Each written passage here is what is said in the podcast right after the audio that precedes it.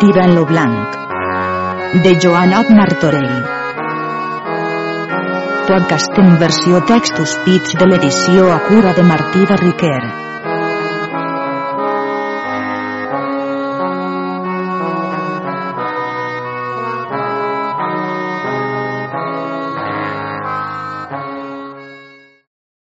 Episodi 2.3 Part segona, tirant a Sicília i a l'illa de Rodes.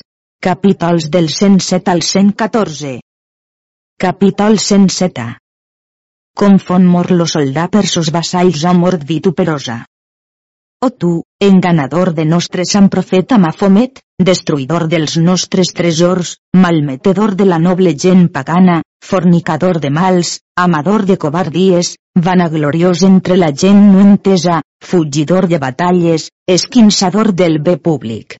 Apa esquerri has fetes totes les tues vils obres en dane de sonor de tots nosaltres, ap la mà negra crua, ap la falsa llengua que li ha feta companyia, sens consell de bons consellers es partit d'aquella noble illa de Rodes. Per una sola nau s'és esmallat lo teu flac ànimo. O cavaller de poc esforç. A la cara girada al revés has senyorejats dotze reis coronats los quals tos temps són estats a tu obedients.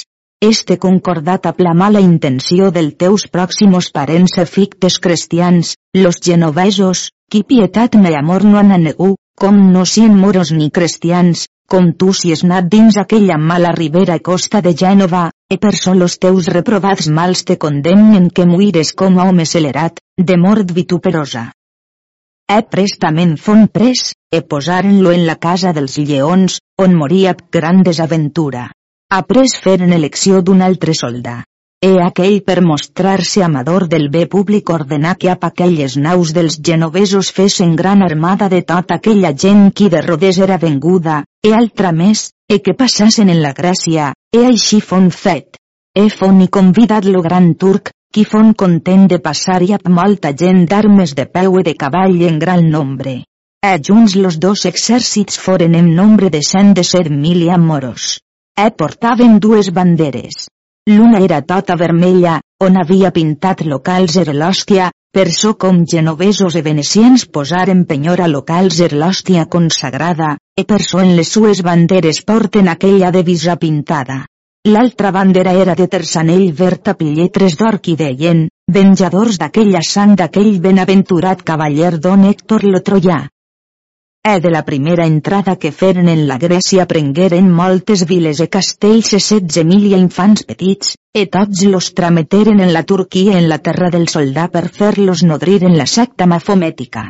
E moltes dones e donzelles jutjaren a captivitat perpètua. E l'illa de Rodes fonde lliurada de poder dels infels. Com los de Xipre saberen que l'estol del soldà se n'era partit en la ciutat de Famagosta, carregaren prestament moltes naus de forment, de bous e de moltons e d'altres vitualles, e portaren o tot en rodes per la gran fam que sabien que sostenien. E de moltes altres parts n'hi portaren.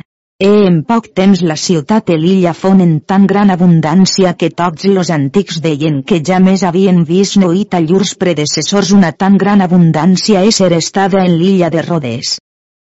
A pocs dies que lo soldà fon partit, aplegaren dues galeres de venecians, carregades de forment, qui portaven pelegrins que anaven a la casa santa de Jerusalem.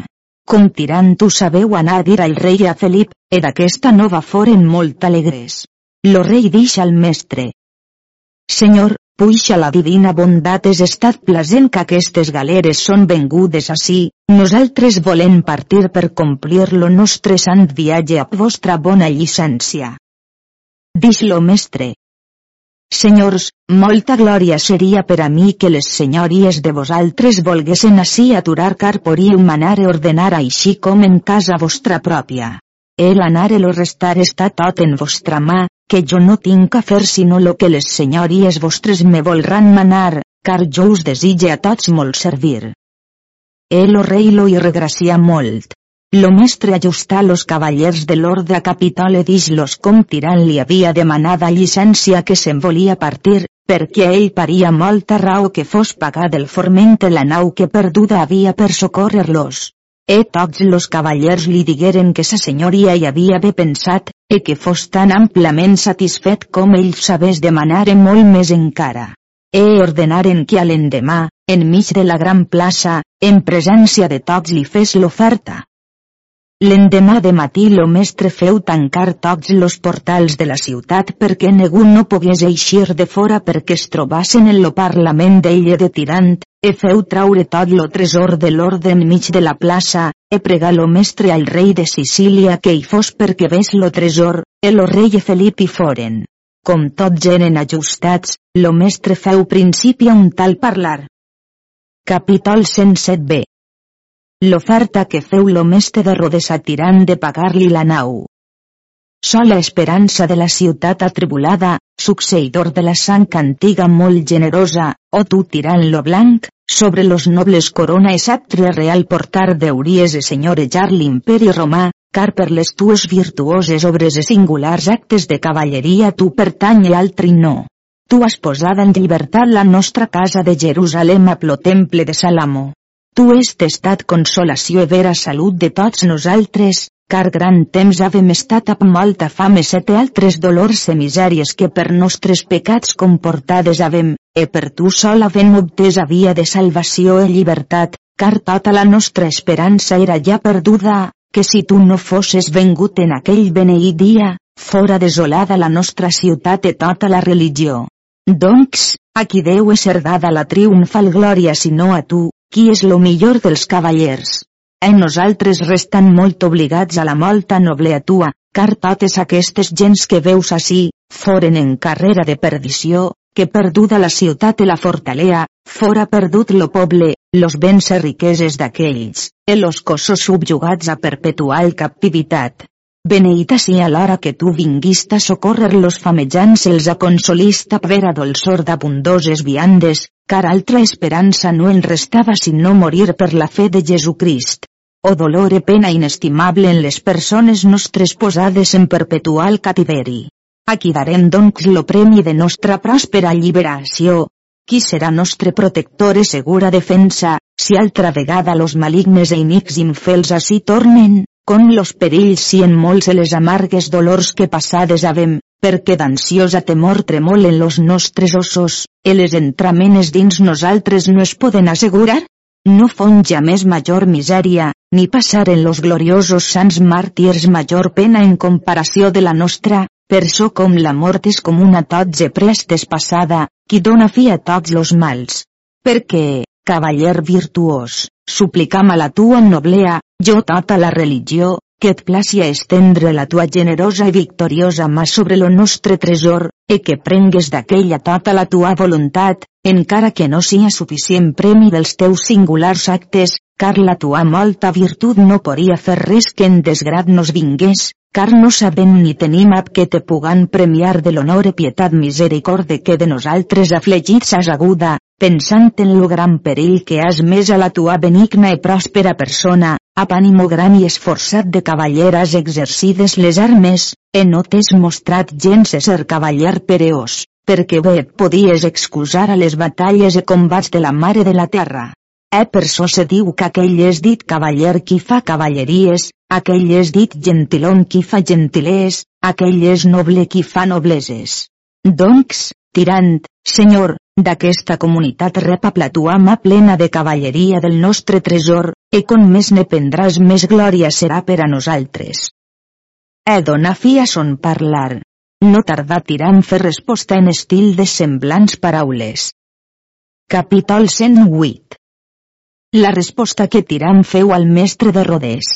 Ha pres partir de Rodes i anà al Sant Sepulcre en companyia del rei de Sicília i de Felip començ-me a recordar com van que en lo món aquell profeta és amb gloriós, Joan Baptista, per denunciar l'adveniment del nostre Redentor Déu Jesús. Així, per permissió divina jo so vengut ací a fer-me fe a deliberada pensar, per a socórrer i subvenir a la reverent senyoria vostra i a tota la religió, e açò per causa d'una lletra que viu en mans d'aquell pròsper i cristianíssim rei de França, la qual per la reverència vostra li era estada tramesa. E fas infinides gràcies a la majestat divina, con m'ha fet a tan gran honor i misericòrdia que m'ha fet a plegar així, a bon salvament, en lo temps de la major necessitat, e per haver jo obtesa tanta glòria en aquest món que per mitjà meu aquesta santa religió si estada de lliurada. L'honor que me'n resta és suficient premi dels treballs i despesa, e lo mèrit espere haver de nostre Senyor Déu en l'altre món perquè a honor, llaor i glòria del nostre Mestre Senyor Déu Jesús e d'aquest sant gloriós Joan Baptista, protector i defenedor d'aquesta illa, sots invocació del qual aquesta santa religió està fundada, done de bon grat tots mos drets del que jo tenia d'haver a la santa religió vostra, en no vull altra satisfacció de vosaltres sinó que cascun dia me faceu celebrar una missa cantada de requiem per la mia ànima. Emes vos demanen gràcia que tot lo poble sia quit i de tot lo que els és estat repartit, així del forment farina com de les altres mínimes coses, que res no paguen, e d'açò, senyor, suplica vostra senyoria que així es faça.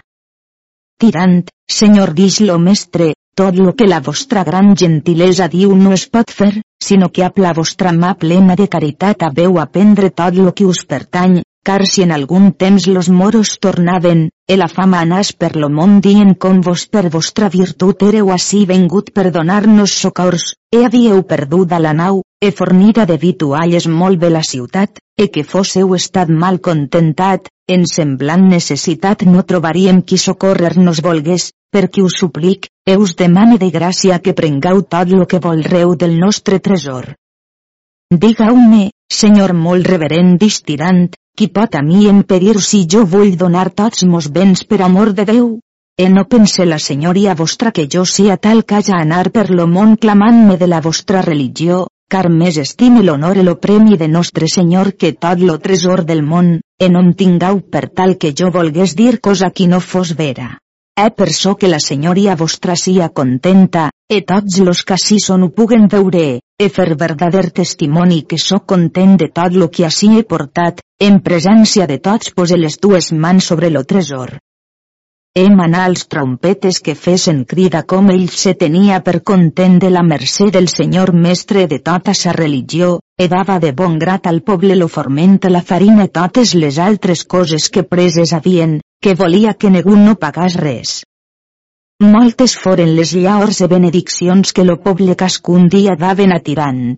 Com la crida fon feta, Tirant suplicà al mestre que anassen a dinar. E venint la nit, lo rei, Felipe Tirant prengueren comiat del mestre recolliren-se'n les galeres dels venecians amb molt poca gent que se'n portaren, que tota l'altra deixaren en rodés. Eria Febus, parent de Tirant, no volgué restar, ne tenebrós, per servir a Felip. E corregueren fortuna vàlida tres dies e tres nits. Après hagueren lo temps tan pròsper que en pocs dies arribaren al port de Jaffa, e partint d'allí, que lo temps fon abonançat, a la mar tranquil·la arribaren en Barut a bon salvament. Aquí isqueren tots los pelegrins e prengueren bones guies, de Déu en Déu una guia, junts que foren en Jerusalem, aturaren aquí 14 dies per visitar tots los santuaris. E partint de Jerusalem anaren en Alexandria on trobaren allí les galeres i moltes naus de cristians. Anant un dia lo rei e tirant per la ciutat trobaren un catiu cristià qui estava formen plorant. Com tirant li veu fer tan trist i adolorit com por dir-li. Amic, jo et prec que em vulles dir per què dols tant car la pietat que tinc de tu, si en res te puc ajudar ho faré de molt bona voluntat. No em fretura desprendre paraules dix locatiu, com vos ho hauré dit, consell ni ajuda en vos ni en altre no trobaré, que tal és la mia fortuna, 22 anys a que sóc atiu per la mia mala sort, desitjant més l'amor que la vida, perquè no vull renegar a mon Déu i a mon Creador sofar de bastonades e freturós de viandes. Distirant, per bonet te vull pregar-me vulles dir i mostrar aqueix tan cruel qui et té catiu. Aquí el trobareu en aqueixa casa dix locatiu, qui a vergues de dolor està en la mà per llevar-me de l'esquena lo cuiro. Tirant suplicap veu baixa al rei lo deixàs entrar dins la casa d'aquell moro, el rei fon molt content. E tirant dix al moro com aquell seu catiu era son parent, si lo hi volia vendre o donar a rescat. Lo moro dix que sí, acordaren-se que li donàs 55 ducats d'or, e tirant lo pagà de continente pregar al moro que si sabés si hi havia altres moros que tinguessin altres catius cristians que ell los compraria. He fon sabut per tota la ciutat d'Alexandria. E cascú que tenia catius los portaven a l'alfondé com posava tirant. E dins dos dies tirant remé 473 catius, e si més n'hagués trobats més n'haguera quitats tota la sua deixella d'ore d'argent, e totes les joies que portava vene per quitar los dits catius e feu-los recollir en les galeres en les naus e portar en roders.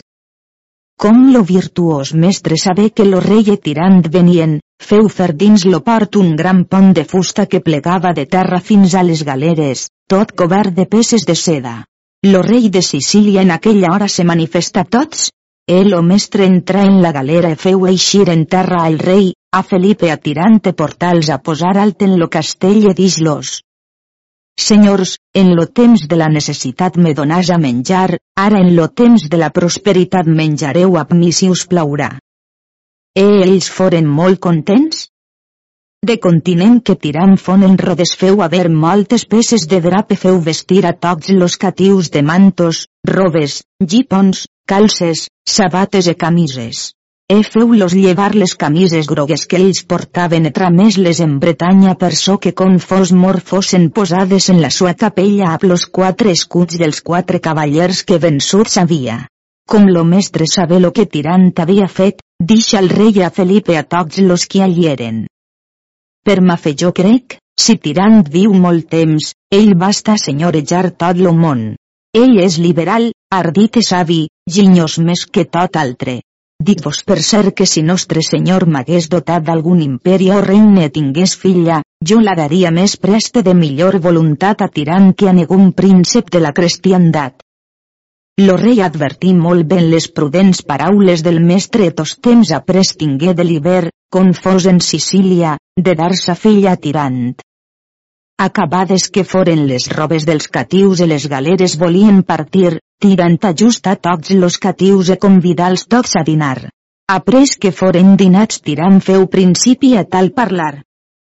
Capítol 109 Com tirant posar en llibertat tots los catius que havia comprats en Alexandria, e com tornaren en Sicília estrengueren lo matrimoni de Felip amb la filla del rei de Sicília. Amics meus i en voluntat com a germans, no ha molts dies passats que tots vosaltres éreu detenguts en poder d'infels amb forts cadenes apresonats. Ara, per gràcia de la divina majestat ab treball meu, sou venguts en terra de promissió francs i lliberts de tota captivitat i submissió, perquè de present jo us done franca llibertat a tots d'anar o de restar. E tots aquells qui en ma companyia volran venir, jo en seré molt content. Los qui volran restar en aquesta ciutat ho poran bé fer, e los qui en altres parts volran anar diguen-m'ho jo dar-los diners per a la despesa. Com los catius oïren dir semblants paraules al virtuós tirant foren molt consolats e posats en inestimable alegria llançaren-se tots als seus peus per besar-los i après les mans. E tirant no volgué ja més consentir. He donals tant de sos béns a cascú que tots se tingueren per més de contents? Com les galeres foren en punt de partir, lo rei, Felipe Tirant prengueren comiat del reverent mestre de tota la religió, e les galeres ben proveïdes del que havien mester. E al comiat lo mestre tornà a sol·licitar al virtuós tirant si volia ésser pagat de la nau del forment. E tirant amb molta gentilea s'excusa que no volia prendre res com foren dins les galeres donaren vela, egueren lo temps tan pròsper e favorable que en breus dies arribaren al cap de l'illa de Sicília. L'alegria que los sicilians feren fon molt gran per la venguda de son natural senyor, e los de la terra trameteren un correu a la reina de la venguda del rei. Lo rei demanà de l'estat de la reina de la disposició de sa filla i de sos fills, e del duc son germà.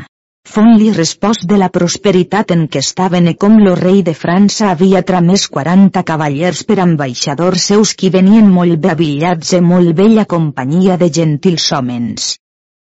Molt fon plasent tirant la venguda dels ambaixadors, més que no fon el rei pensant a ben record de les paraules del mestre de Rodes. Ell reposaren allí per alguns dies perquè venien molt enutjats de la mar. Après que es foren reposats, lo rei amb tota la companyia partí e feren la via de Palermo on la reina estava. El dia que devia entrar, is que primer lo duc son germà molta bona gent acompanyat.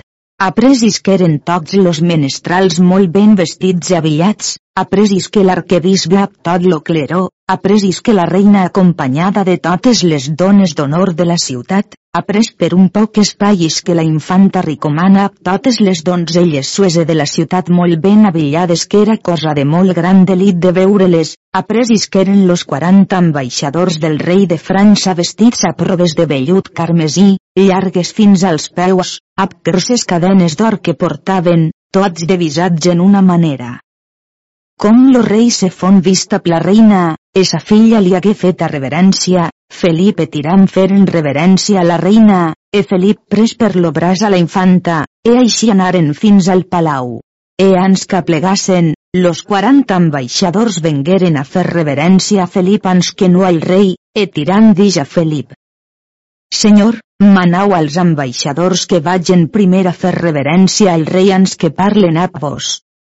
E Felip i Tramés, e los ambaixadors li trameteren a dir que ells tenien manament de llur senyor lo rei de França, pare seu, que après que haguessin feta reverència a ell, que anassen al rei i li donassen les lletres que portaven.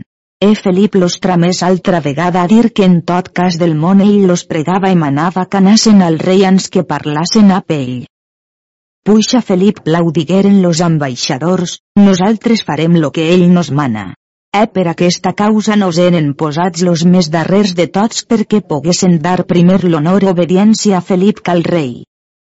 Com lo rei fon plegat al palau amb tota la gent, los ambaixadors del rei de França li anaren a fer reverència i donaren-li la lletra de creença. El o rei los rebé amb cara afable e feu-los molta honor. Après anaren a Felipe feren-li molt gran honor així com hi eren obligats per ésser fill de llur natural senyor. Felip los feu inestimable festa i fon gran alegria entre ells. Après que les festes foren passades per la venguda del rei, los ambaixadors explicaren llur ambaixada, la qual en efecte contenia tres coses. La primera era que lo rei de França era molt content que Felip son fill fes lo matrimoni amb la infanta ricomana, filla sua, segons que per lo virtuós tirant era estat concordat. La segona era, si lo rei de Sicília tenia fill, ell li daria una filla sua per muller absents mil escuts. La terça contenia com ell hagués emprat al papa i a l'emperador i a tots los prínceps de la cristiandat li volguessin valer per mar, com ell tingués deliberat d'anar contra infels, e com tots los qui ha emprats li han ofert a Valençà, e que de part del rei de França ells l'empraven. E si sa senyoria deliberava trametre-li armada, que em fes capità Felipe que lo hi trametés. La resposta del rei fon que del matrimoni ell era molt content, mas que de les altres coses ell s'aturava a cor. Com los missatgers veren que lo rei havia atorgat lo matrimoni, donaren a Felip permanament de son pare 50.000 escuts perquè es posàs en ordre de totes les coses que havia mester per dar compliment al matrimoni. He tramès lo rei de França per a la nora quatre peces de brocat molt velles e tres mil i amarts gebelins e un collar d'or obrat en París molt vell de gran estima, perquè hi havia en ell engastades moltes pedres fines que eren de gran valua. La reina, mare de Felip, li tramés moltes peces de drap de seda de brocat e molts cortinatges de seda i de ras molt especials, e moltes altres coses com la infanta saber que lo rei son pare havia atorgat lo matrimoni de Felip dix entre si mateixa. Si jo puc trobar en Felip tal de fal que sia grosser o avar, ja més serà mon marit. Era si avant en altra cosa no vull pensar si non saber-ne la veritat? E estant la infanta en aquest penós pensament, entra per la sua cambra una donzella en qui ella tenia gran fiança, e dis-li. Diga-me, senyora, en què pensa vostra altesa, que la vostra cara està molt alterada? Respòs la infanta. Jo t'ho diré.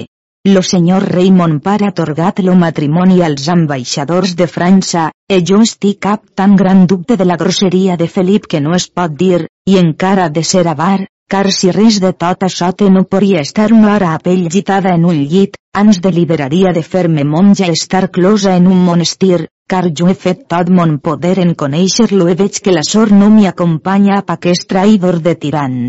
Si preca Déu lo veig arrostit i bullit en ira de sa enamorada, que aquell dia de les llesques del pa jo l'haguera ben conegut sinó per causa sua. Mas ans que jo atorgue lo matrimoni jo el provaré altra vegada i faré venir de Calàbria un gran filòsof, qui és home de grandíssima ciència, qui em dirà certament lo que jo desitge. Com Felip hagué rebut los diners que son pare li havia tramès, ell sabia molt bé de robes de brocat rossegant de xaperia, ell tenia ja molts fermalls i cadenes d'or i moltes altres joies d'estima. El dia de la Nostra Senyora d'Agost lo rei convidà a Felipe a tots los ambaixadors, e del regne tots aquells qui tenien títol, lo rei aquell dia los feu seure en la sua taula. E Felip aquell dia vestia una roba de brocat carmesí rossegant per terra, forrada d'erminis. E tirant se vestia altra d'aquell drape d'aquella color, e com se fon vestit pensar en si edix. La festa se fa per Felipe per los ambaixadors que es representen la persona del rei de França, e jo que m'avillen tal jornada tan ricament com Felip no em serà bé pres. E prestament se despullà aquella roba en una altra brodada d'argenteria, e les calces totes brodades de grosses perles. E estant lo rei sobre taula vengué molt gran pluja, e la infanta i pres molt gran plaer dix. Ara podria haver lloc la mia demanda. Com les taules foren llevades, vengueren los ministres de davant lo rei i la reina dansaren per bon espai, après vengué la col·locació. Lo rei se n'entrà en la cambra per reposar i la infanta no es volgué deixar de dansar per dubte que Felip no se n'anàs. Com fon quasi hora de vespre, lo cel fon clare los sols que, dix la infanta. No seria bo que fesen una volta per la ciutat, puix fa bell dia? Respòs prestament Felip. Eh com, senyora, en temps indispost voleu anar per la ciutat, E si torna a ploure tota us banyareu. E tirant, coneixent la malícia de la infanta tirar per la falda a Felip que callàs. La infanta veu quasi lo senyal que tirant li feu, pres molt gran enuge manà que li portassen les acaners i tots trameteren per les bèsties. Com foren vengudes, Felip pres del braç a la infanta i porta-la fins al cavalcador. E com la infanta fon a cavall, quasi volta un poc l'esquena de vers Felip, mas no resta que a placó de l'ull lo perdes de vista. E Felip dija tirant. Si en fèieu portar una altra roba perquè no guastàs aquesta. O dix tirant, e mal profit faça la roba, e no cureu d'ella. Com aqueixa serà guastada ben haureu una altra. Almenys dix Felip, Vejau si hi hauria dos patges que en portassen les faldes perquè no toquen en terra. Bé podeu ser fill de rei d'ix tirant, que tan avare tan mesquiciau. Cuitau prest, que la infanta vos està esperant.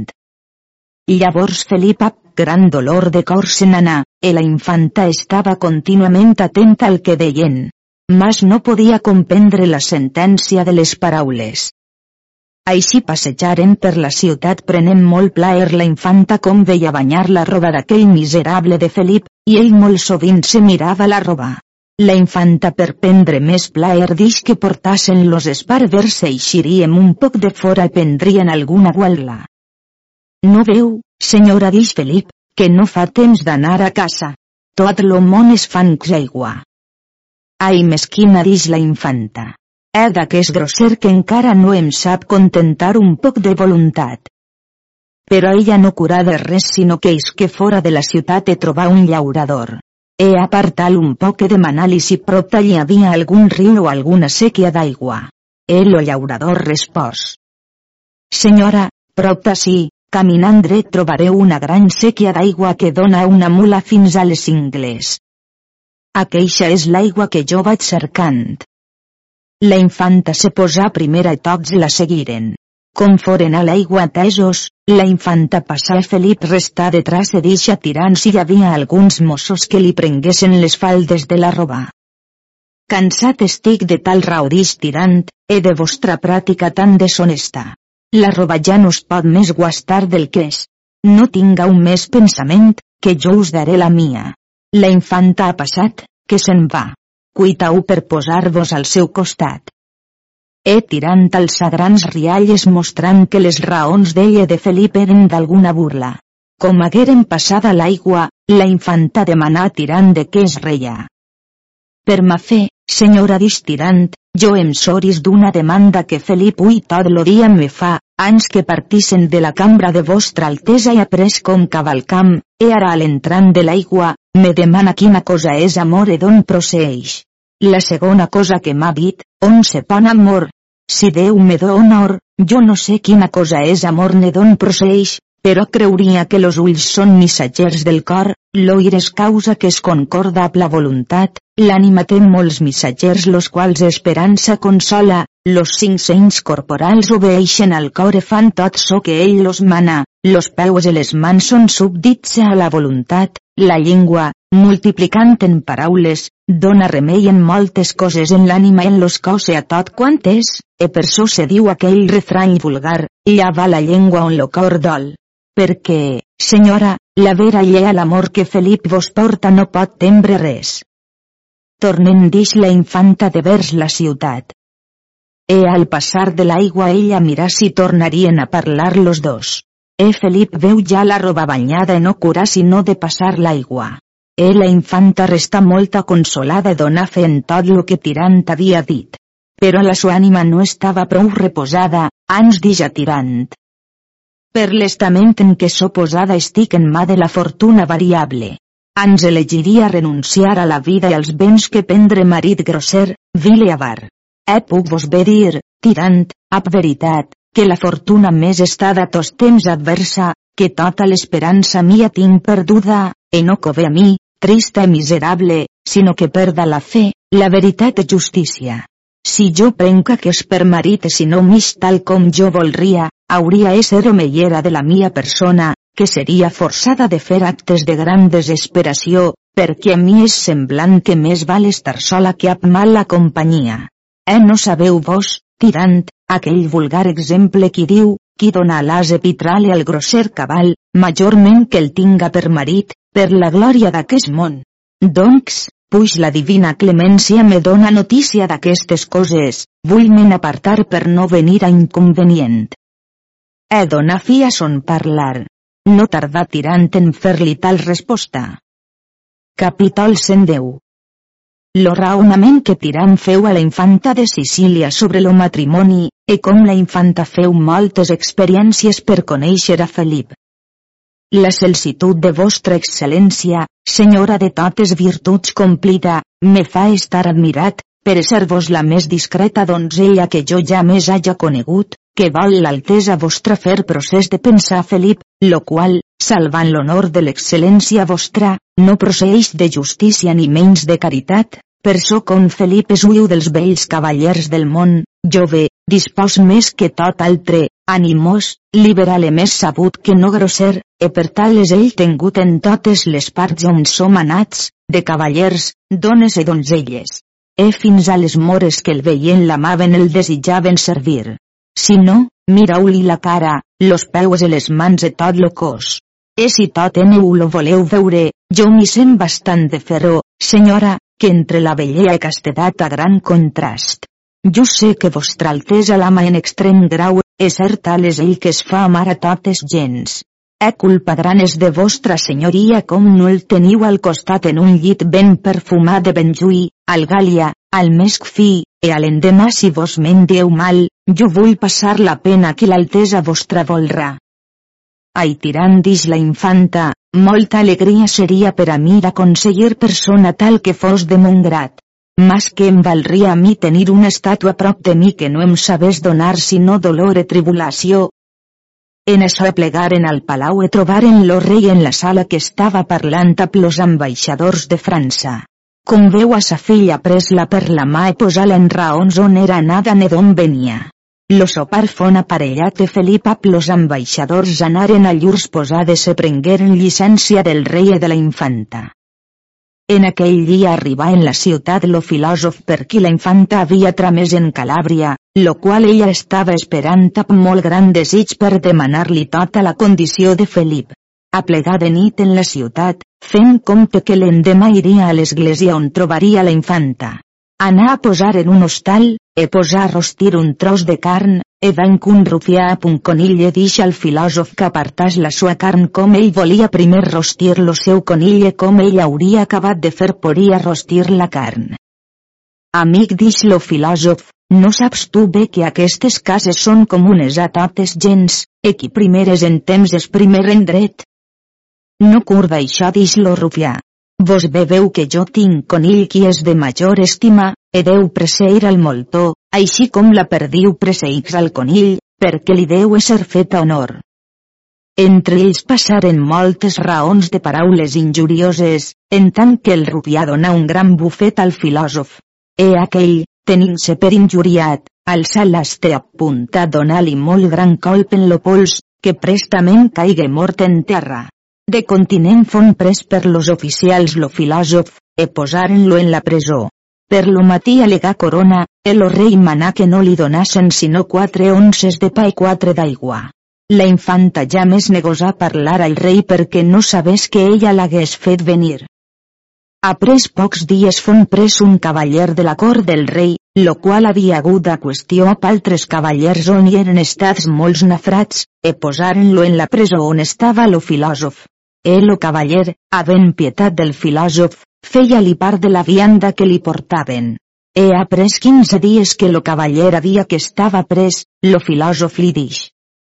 Senyor cavaller, deman-vos de gràcia que per vostra gentilea demà, com sereu a plo senyor rei, vos placi a suplicar lo que vulla haver misericòrdia de mi, car ja veu la congoixa pena en què estic, que, si no fos la caritat que la mercè vostra m'ha feta, ja fora mort de fam, que no enfadar sinó quatre onces miserables de pa i quatre d'aigua. E direu a la senyora infanta que jo veig son manament, e això us hauré amb molta gràcia i mercè. Respòs lo cavaller. E com me podeu dir tal raó? Jo crec que bé passarà aquest any i l'altre ans queda si jo xca, o nostre senyor per la sua immensa bondat i hauria a fer miracle. Ans que passe mitja hora dix lo filòsof, sereu en llibertat. E si aquest punt passa no eixireu de vostra vida. Lo cavaller estigué molt esmallat en gran pensament del que oi dir al filòsof. E estant en aquestes raons l'alguazir entra en la presó e tragué lo cavaller.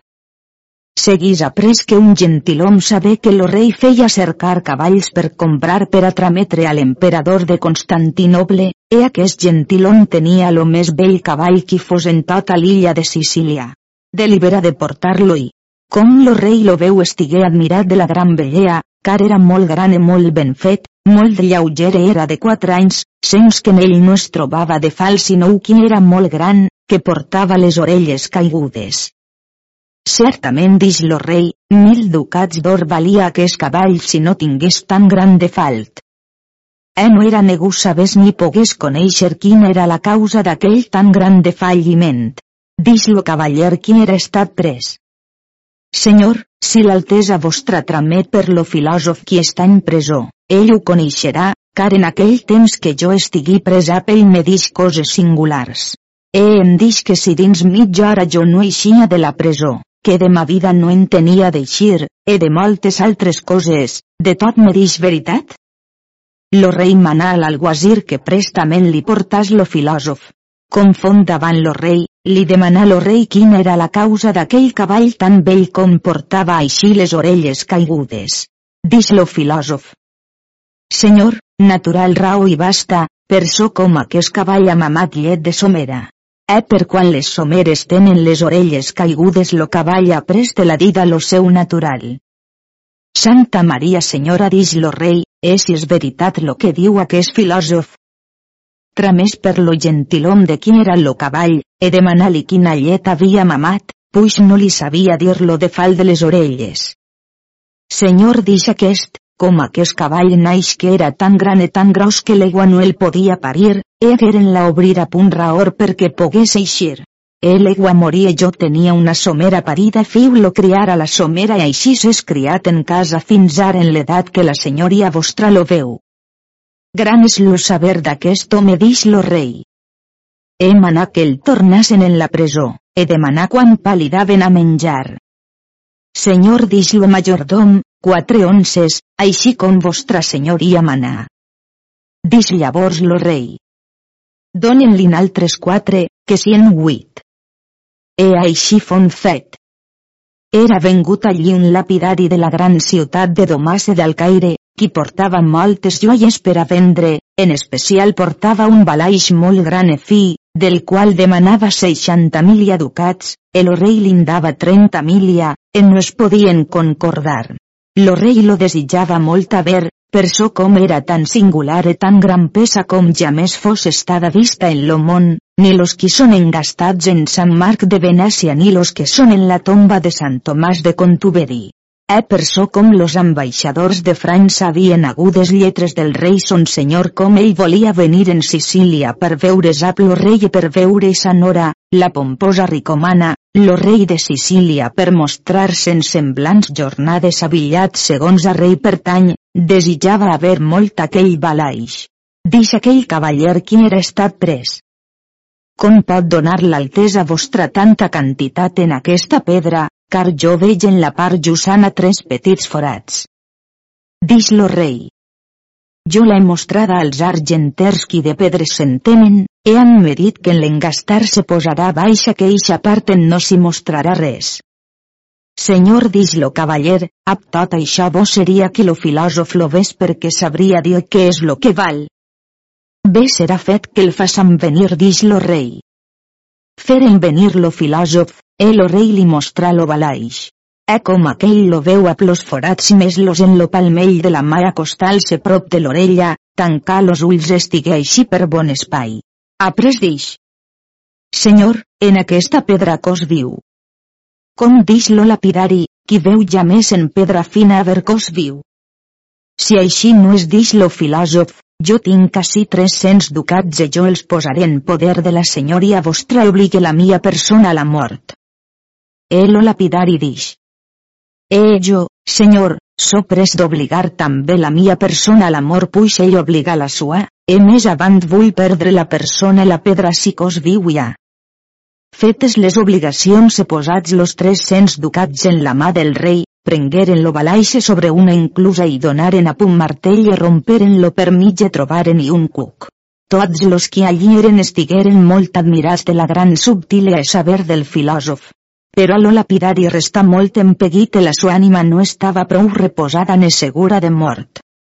Senyor, compliu-me de justícia dix lo filòsof. Lo rei li tornà de continent los diners i li donà lo balaix. E feu venir los ministres de la justícia per executar lo lapidari.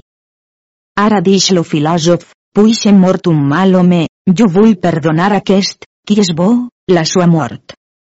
E a voluntat del rei ell lo de lliurar, e donar al rei les peces del balaix. Com lo rei les tingué manar que el tornassen a la presó e demanar quan pa li daven. Lo majordom respòs que huit onces. Dix lo rei. Daulin altres huit, que cien setze. Com lo tornaven a la presó, per lo camí dix als qui el portaven. Diga-ho al rei que certament ell no és fill d'aquell magnànime gloriós rei Robert qui fon lo més animós i liberal príncep del món. Ell mostra bé que no és així d'ell segons les sues obres, que ans és bé fill d'un forner. E com ho volrà saber per manifesta experiència, jo lo hi faré veure. E posseix lo regne com a rei tirarà poca justícia, com al duc de Messina pertany lo regne la corona de Sicília, Carbor no pot ni Déu ésser admès a senyorejar regne negu, com diga la sacra escriptura que tot arbre bor deu ésser tallat emès al foc. Com los alguasirs oïren dir semblants paraules al filòsof prestament ho anaren a dir al rei. Com lo rei ho sabedix. Per consolació de la mia ànima jo vull saber a què és fet com passar, e com si a de nit portau-lon secretament. Com lo filòsof fon davant lo rei a soles dins una cambra, lo rei li dix si era veritat lo que l'alguasir li havia recitat. El lo filòsof va placar a molt serena i ap esforçat ànimo li dix. Senyor, certament és veritat tot lo que us han dit. Digues-me com saps tu dix lo rei que jo no sia fill del rei Robert. Senyor dix lo filòsof, raó natural basta conèixer un ase, e açò per les següents raons. La primera és, com digui a la senyoria vostra de les orelles del cavall com en la cort vostra no hi havia negu que tal cosa sabés conèixer-ne menys entendre, e fes-me gràcia de quatre onces de pa. Après, senyor, lo fet balaix obligar-me jo a la mort a aquests pocs de diners que tinc, après vos doni lo balaix que de dret era meu, e foreu estat enganat de gran quantitat de moneda, sinó per mi. E per qualsevulla d'estes coses me devíeu fer treure de presó fer-me alguna gràcia, en no obtesa de vos sinó gràcia de pa. Per natural rau haguia venir a notícia que la senyoria vostra era fill de forner e no pas d'aquell, de gloriosa memòria, rei Robert.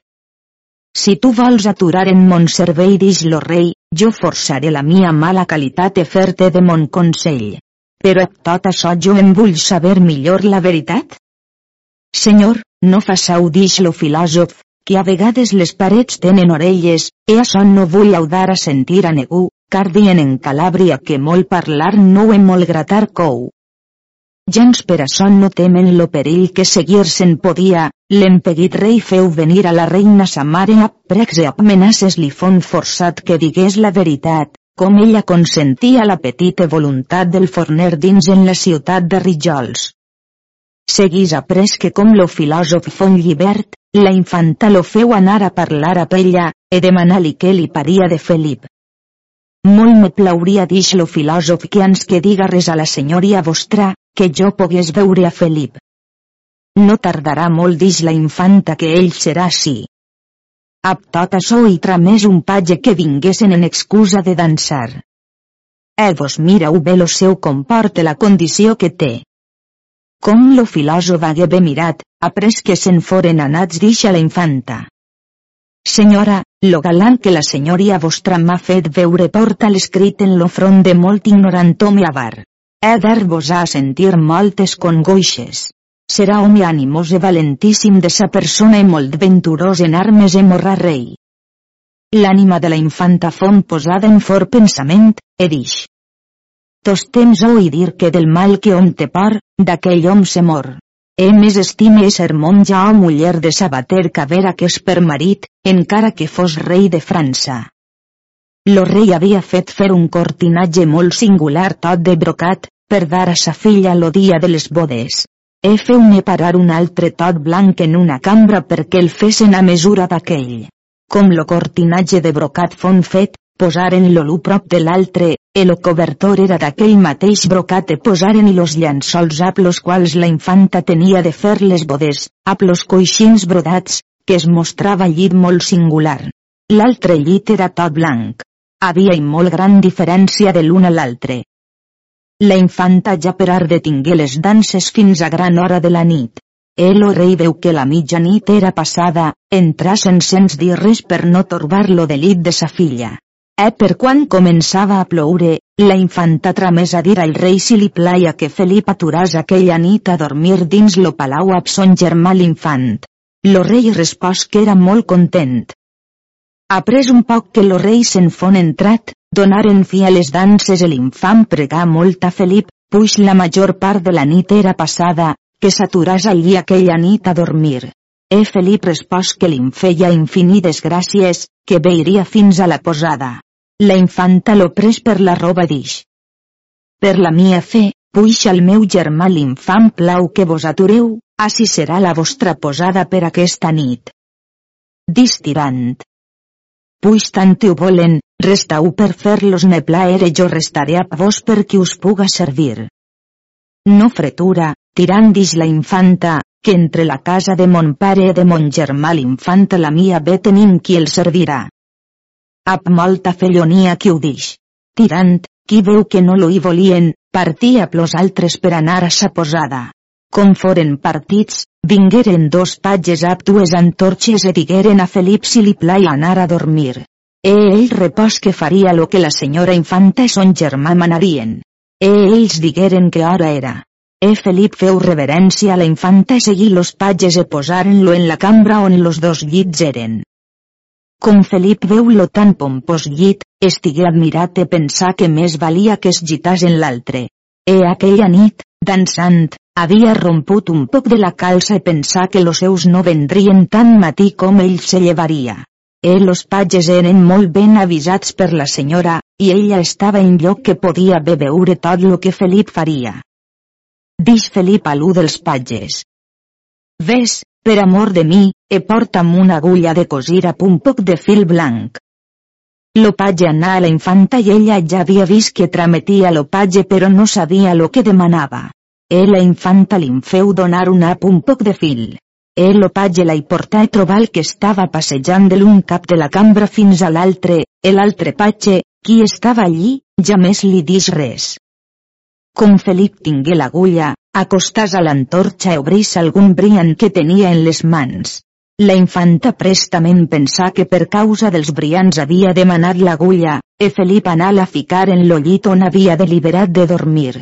Llavors ell se despullà la roba restant i por d'orfebreria. Començàs a descordar segué sobre lo llit. Com los patges l'hagueren descalçat, Felip los dix que anassen a dormir que li lleixassen una antorxa encesa. E ells ho feren tancar en la porta. Felip se lleva d'allà on seia per prendre l'agulla i cosir-se la calça, e pres-se a cercar d'un cap del llit fins a l'altre alça la vanova melancolia que en aquell cas tenia, e tant regirar la vanova que caigué en terra. Après llevar los llençols e desfeu tot lo llit, que ja més pogué trobar l'agulla. Pensà de tornar a fer lo llit e de gitar-se en ell, però com veu que tot estava desfet, dix, com, no val més que em giten aquest altre que no tornar-lo a fer. Molt singular agulla fon aquella per a Felip. Gitas en lo llit de parament te deixa tota la roba en terra. La infanta, que hagué vist tot l'entramés, deixa les sues donzelles.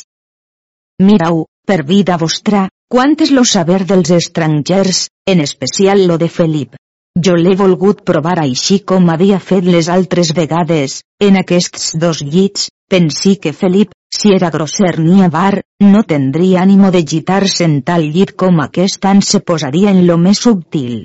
E ella tingut altre art, que ha desfet lo més subtil e ha llançat la roba per terra, és gitat en lo millor per mostrar que és fill de rei i li pertany, com la sua generació sia molt noble, excel·lent i molt antiga. Ara puc conèixer que aquell virtuós de tirant, com allé al cavaller, m'ha dit tos temps veritat, e tot lo que em deia a l'orella era per mon bé honor. He dit que lo filòsof no sap tant com jo en pensava, ni vull haver més consell d'ell ni d'altri, sinó que demà faré venir lo bo de tirant. Puix ell és estat lo principi de mon delitós bé, que si a la fi de mon repòs. He apa que és de l'hivern se n'anà a dormir. Eh bon matí, tenebrosa plos patges de Felip vengueren a la sua cambra i portaren-li altra roba, que es mudàs. Com la infanta fon vestida escordava la gonella no volgué més esperar, sinó així com estava tramès per tirant, e amb gest de molta alegria li manifestà sa voluntat. Capítol 111 Com la infanta de Sicília tramès per tirant e manifesta-li com era contenta de complir lo matrimoni amb Felip. A los solícits treballs de la mia enamorada pensa venguda a notícia de les singulars perfeccions que de Felip tinc conegudes, car per ocular experiència he vist la sua pràctica real condició ser molt generosa, e fins així venguda molt forçada en atorgar aquest matrimoni, per algunes coses que la mia ànima estava molt dubtosa. Perquè d'ací avant jo sóc contenta de complir tot lo que per la majestat del senyor rei pare me serà manat Eh puix vos, per vostra virtut sou estat lo principi del bé delit de Felip, que siau la fi de traure dues ànimes d'una mateixa pena. O intirant les paraules tan afables de la infanta resta lo més aconsolat home del món, a la qual no tardà respondre. Lo generós ànimo de vostra celsitud, senyora, ha pogut conèixer jo ab quanta afecció e sol·licitud he treballat en dar-vos tal companyia que en sems honor e delit aconseguísseu per bé que moltes vegades haja conegut que l'altesa vostra estava enujada i malcontenta de mi per jo manifestar les perfeccions de Felip, pensant fer-vos-ne servir, estic molt content com la celsitud vostra coneguda la veritat és fora de totes les passades errors reduïda a la bona part per on s'havia de mostrar la vostra gran discreció. Perquè ara de continent me'n vaig a parlar a plo senyor rei per dar i presta conclusió. Tirant pres llicència de la infanta i anassen al rei a dir-li les següents paraules. La Congo i gran que veig passar als ambaixadors de França sobre aquest matrimoni me fa venir a vostra majestat a suplicar que, puix l'haveu atorgat, que si done compliment o doneu llicència als ambaixadors que se'n puguen tornar a llur senyor. És si l'altesa vostra no ho prendrà en enuts que jo parle a la senyora infanta de part de vostra altesa, jo crec que a plo divinal auxili a ples naturals raons que jo li sabré dir me pens que ella s'inclinarà a fer tot lo que la majestat vostra volrà ne manarà. Si Déu me done consolació en l'ànima i en lo cos dix lo rei, jo seré molt content que es faça. Eus prec que vos hi vull anar a pregar-l'am per part mia vostra, Tirant-se partí del rei e tornar a la infanta e trobar la que es lligava, e recita-li lo parlament que havia tingut a plo rei. Dix la infanta. Tirant, senyor, jo confie molt en la vostra gran noblea i virtut, perquè jo pose tot és fet en vostre poder e tot lo que vos fareu jo ho tindré per fet.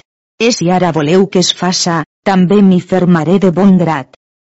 Tirant, ven la disposició, Veu a Felip qui estava a la porta esperant d'acompanyar a la infanta a missa.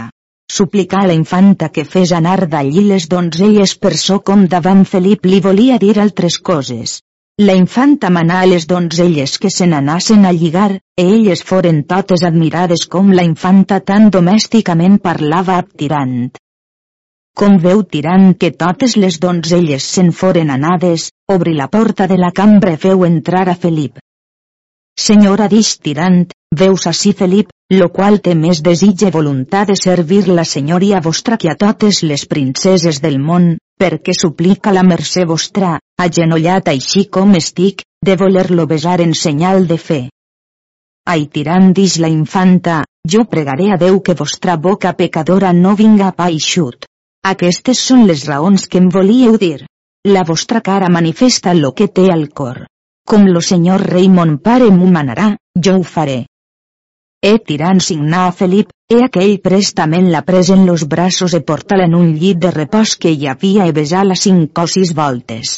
Dix la infanta. Tirant, no confiava jo tampoc de vos. Que m'haveu fet fer?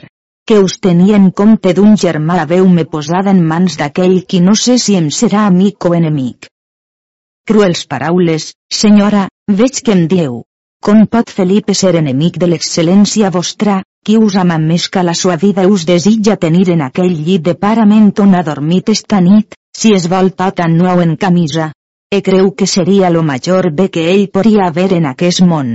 E puix, senyora distirant, pujant-vos en aquell superior grau de dignitat que l'altesa vostra mereix, al desaventurat de Felip, qui mor per la vostra amor, deixeu-li sentir part d'aquella glòria que tanta desitjada. Déu me'n defena dix la infanta en guarde de tal error. Com me tendria per vil de consentir una tan gran novitat. Senyora dix tirant, Felip ni jo no som així sinó per servir-vos. Vostra benigna mercè prenga una poca de paciència. E tirant-li pres les mans a Felip volgué usar de sos remeis. La infanta crida, e vengueren les donzelles e pacificaren-los e donaren-los per bons e per lleals. Com la infanta fon lligada vestís molt pomposament, e Felipe tirant l'acompanyaren a la missa ensems a la reina, e aquí ans de la missa los esposaren. El o diumenge après foren fetes les bodes amb molta solemnitat e foren fetes grans festes qui duraren huit dies de juntes, torneigs e danses e momos de nit e de dia. Per tal forma fon festejada la infanta, que ella restà molt contenta de tirante molt més de Felip, que li feu tal obra que ja més l'oblida. Capítol 112 Com lo rei de Sicília tramés deu galeres e quatre naus armades al rei de França per Valença. Passades que foren les festes de les bodes, lo rei de Sicília tenia deliberat de fer Valença al rei de França, e per aquesta causa feu armar deu galeres e quatre naus grosses, e pagar la gent per a sis mesos. E tirant comprar una galera, lo qual no volgué prendre un acostament de negu perquè deliberava d'anar a son plaer. Com les galeres foren armades e ben fornides de vitualles, hagueren nova com lo rei de França era en aigües mortes, ab totes les fustes del rei de Castella, d'Aragó, de Navarra e de Portugal. Felip Fonelet per capita, e anasen en companyia a l'infant de Sicília, e trobaren-se en lo port de Sauna les fustes del papa, de l'emperador e de totes les comunes qui ofer li havien valençar. E tots ensems partirem a navegar en tant, que trobaren lo rei de França en l'illa de Còrsega.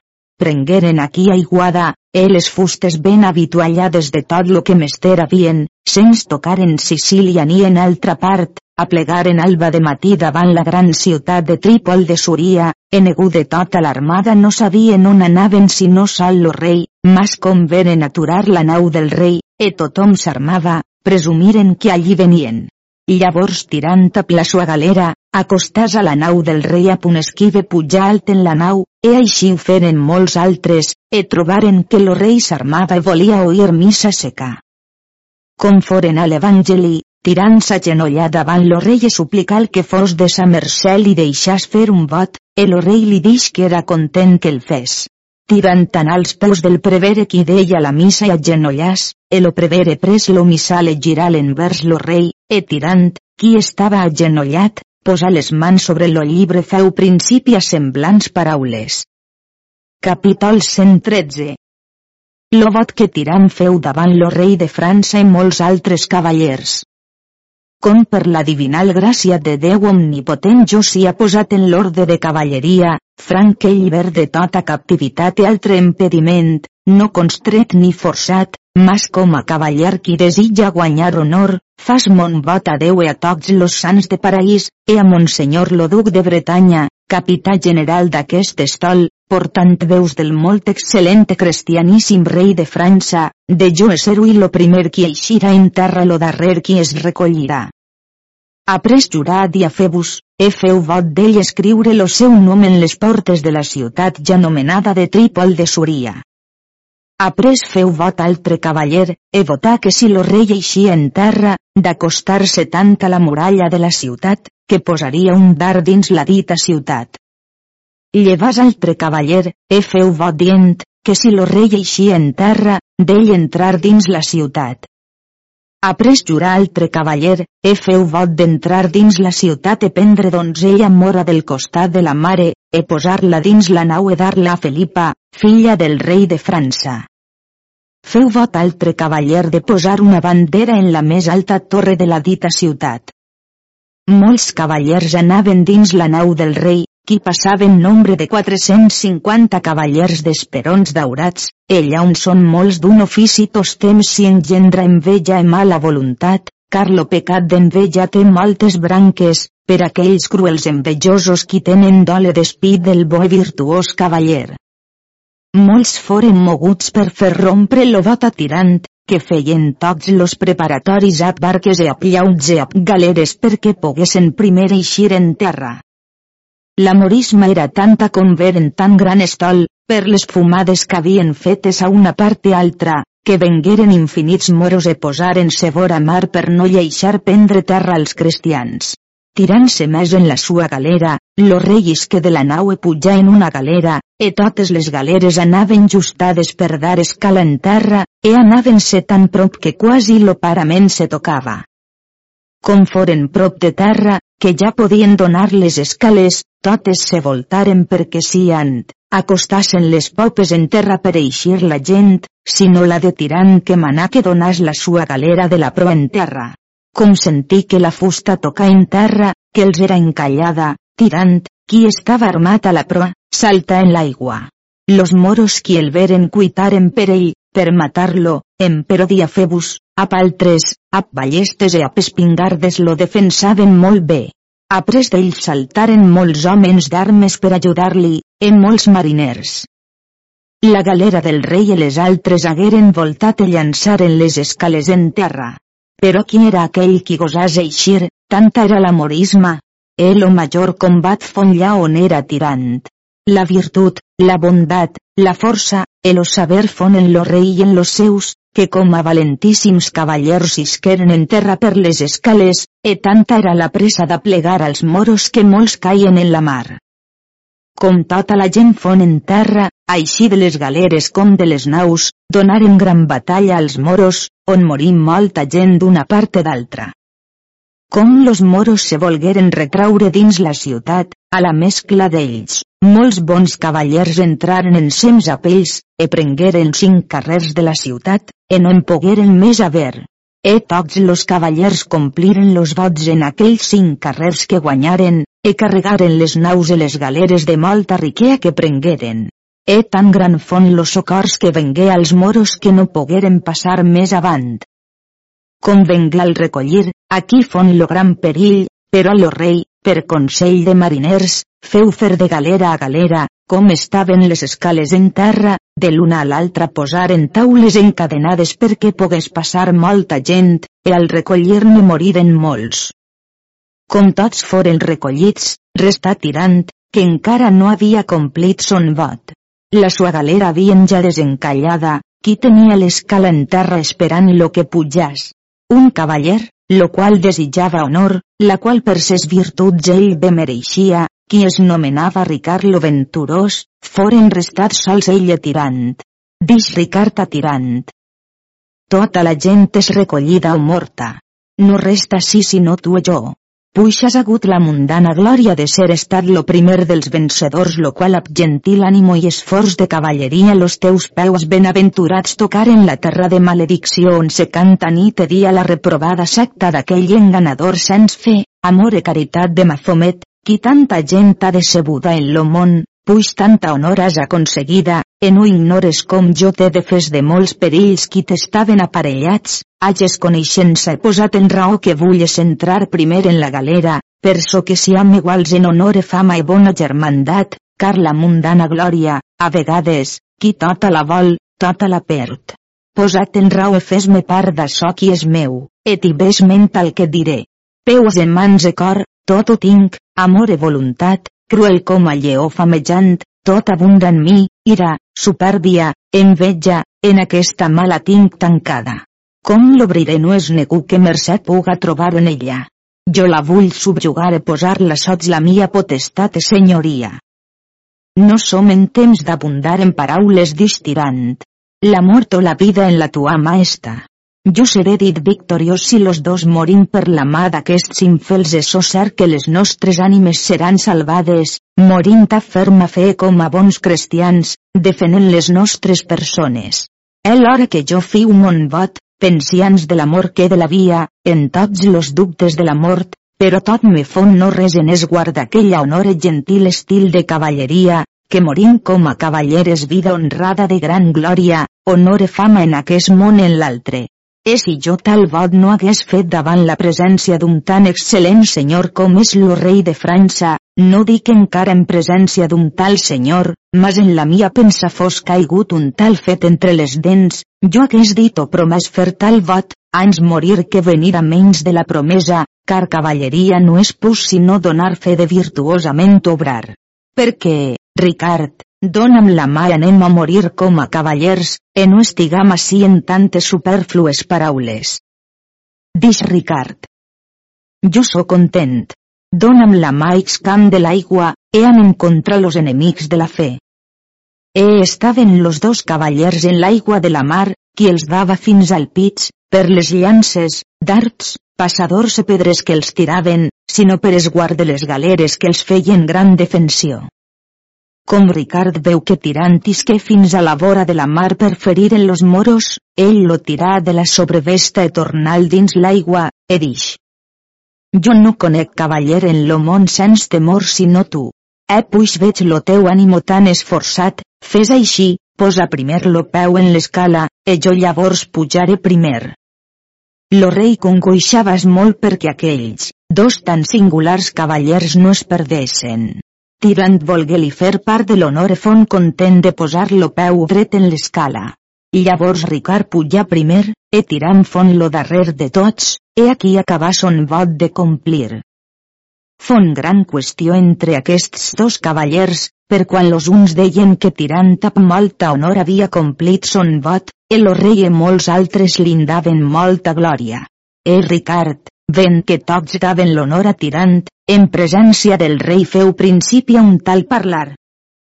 Capítol 114 Com Ricard, en presència del rei de França, dix que combatria Tirant a tota ultranza. è com lo rei de França combaté Trípol de Súria, he après robar la costa de Turquia. Tots los qui no tenen verdadera notícia de l'honor d'aquest món, mostren llur poc saber manifestant a llur boca aquell grosser parlar qui diu, a la raó de mon compare me'n vaig, no advertint ni sabent lo gentil estil ni virtuosa pràctica de nostres antecessors, segons sellits d'aquell famós rei Artús, senyor qui fon de la petita i Gran Bretanya, lo qual dona fi i compliment a la pròspera i pomposa taula redona, on tants nobles e virtuosos cavallers en ella segueren, qui foren coneixedors e mereixedors de tota honor e gentilea, e avorridors de tot engan, falsia e maldat. Si per art de cavalleria la cosa era ben jutjada, l'honor e la glòria d'aquest món, a qui deu ser atribuïda sinó a mi? Car tirant, per ser covard e home poc esforçat en batalles, per bé que la pròspera fortuna li sia estada favorable li hagi ajudat en moltes coses, no resta que lo premi d'aquest acte no dega ser dat altri sinó a mi, amb totes les forces i honors de cavalleria que es mereixen al més benaventurat de tots? E jo, que estic descalç, més calçaré sabates en los meus peus fins a tant que per la majestat del senyor rei, e per los nobles cavallers, sia determinat aquest fet car tots és notori i manifest que après que tota la gent fon recollida, restant tirant jo sols a la vora de la mar. D'ell a mi passaren moltes raons qui seria aquell qui primer se recolliria. Ell tenint vot fet jo no, volgui veure los majors perills que en les armes poden ser, a la gran multitud de moros que hi havia, event ell jo no voler-me recollir, fon ell content de posar primer lo peu en l'escala ans de mi. Doncs, senyor, si ha de vostra merced ajustar vostre sacre consell, és sens afecció, la majestat vostra dona l'honor a aquell a qui pertany, com de dret de justícia a mi pertanga. E si vostra altesa so jutjar no volrà, dic, en presència de tots, jo ser millor cavaller que tirant, he de combatre'l, de la mia persona la sua, a tota ultranza. Lo rei li respòs semblants paraules. Ricard, Negun bon jutge no pot ver res determinat si no ha primer les parts, perquè no es pot fer si tirant no hi és present.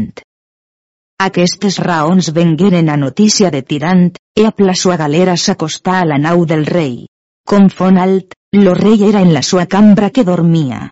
Com Ricard sabé que tirant era vengut, acostàs a ell e dis-li. Tirant, perquè es vulla que sia, jo m'ho tindré dins mon cor, però si gosau dir jo no sia millor cavaller que vos, jo us ofir batalla a tota ultranza i llançar-li uns guants per gatge. Tirant que veu que ab tan poc fonament lo volia combatre, alça la mà i dona-li una gran galtada. La remor fon entre ells tan gran, que lo rei hagué a pujar a punt espasa en la mà. Com tirant veu lo rei, pujassen en lo castell de proa, e allí ell se defenem molt bé, e dix al rei. Senyor, castigue la majestat vostra aqueix desvergonyit cavaller qui és principiador de tot mal. Ja més és vist en fet d'armes, ni menys espasa fallona davant los seus ulls, e ara me volia combatre a tota ultranza sobre no res, e si ell vens a mi, haurà vençudes totes les cavalleries que ap mon treball jo m'he sabudes per casar en glòria i llaor mia, e si jo sou vencedor, hauré vençut un home que ja més és vist en armes. Acabant de dir tirant semblants paraules, feu senyal a la galera, e a una corda baixa en ella, tenint-se allí per segur. E si lo rei en aquell cas l'hagués pogut haver, perquè en la sua nau havia fet semblant ultratge, fora estada poca meravella no li hagués fet llevar-lo cap de les espatlles. Lo rei partia tot l'estol de Trípol de Súria, e feu la via de Xipre, e robat tota la costa de Turquia més a foc que a flama, que carregaren totes les fustes de molta riquea que presa havien. Com foren en Xipre, isqueren en la ciutat de Famagosta, e aquí prengueren vitualles e tiraren la volta de Tunis. Aquí lo rei desembarcà e combater en la ciutat molt estretament, e tirant a ploseus combatí en una torre, e al peu de la torre havia un gran fossat, e tirant caigué de dins. Ricard anava tot armat per veure si es podia venjar de tirant, Confon a la torre veu que tirant ja a dins lo fossat, Ricard saltà, així armat com estava, dins lo fossat, e ajudar a llevar a tirant, e dis-li. Tirant, vet ací lo teu mortal enemic, lo qual te pot donar la mort i la vida, e no placi a Déu que jo consenta que muires per mans de moros puix ajudar-te puc. E per bella valentia lo tragué de fora, car certament lagueren allí morts si Ricard tan pres no el n'hagués tret. Com font fora, dis-li. Ara tirant és posat en llibertat. Guarda bé la tua persona de morir, que jo et fas ser que faré tot mon poder de matar-te. Cavaller virtuós dix tirant, jo he vist en tu molta bondat e gentilea, e conec que a pànimo esforçat de cavaller has restaurada la mia persona de cruel mort. A genoll me enterra i demante perdó de l'ofensa que t'he feta, e don té la mia espasa, la qual pos en la tua mà, que prengues de mi aquella venjança que a tu plaurà. Car posat cas que tu ara no em vulles admetre mos pregs ni ma demanda, ja més en dies de ma vida tiraré espasa contra tu, car la venjança que vols haver de mi, així la tens present, he agenollat als teus peus, així com estic, la pots prendre, puix graciosament la do, e jo la rebré amb molta paciència. Lo cavaller, com veu dir a tirant paraules de tanta humilitat i submissió, li perdone fon content de ser son amic. Après foren tan grans amics, que ja més de llur vida se partiren fins que l'amor los separà. Com lo rei hagué pres a la ciutat de Tunis e barrejada, Ricard no volgué anar en la nau del rei, sinó en galera de tirant. Com lo rei i los cavallers saberen lo fet com era passat, donaren molta llaor als dos, perquè cascú havia usat de molta gentilea. Partint lo rei de França de la ciutat de Tunis, tiraren la volta de Sicília per veure Sanora, e desembarcaren en Palerm.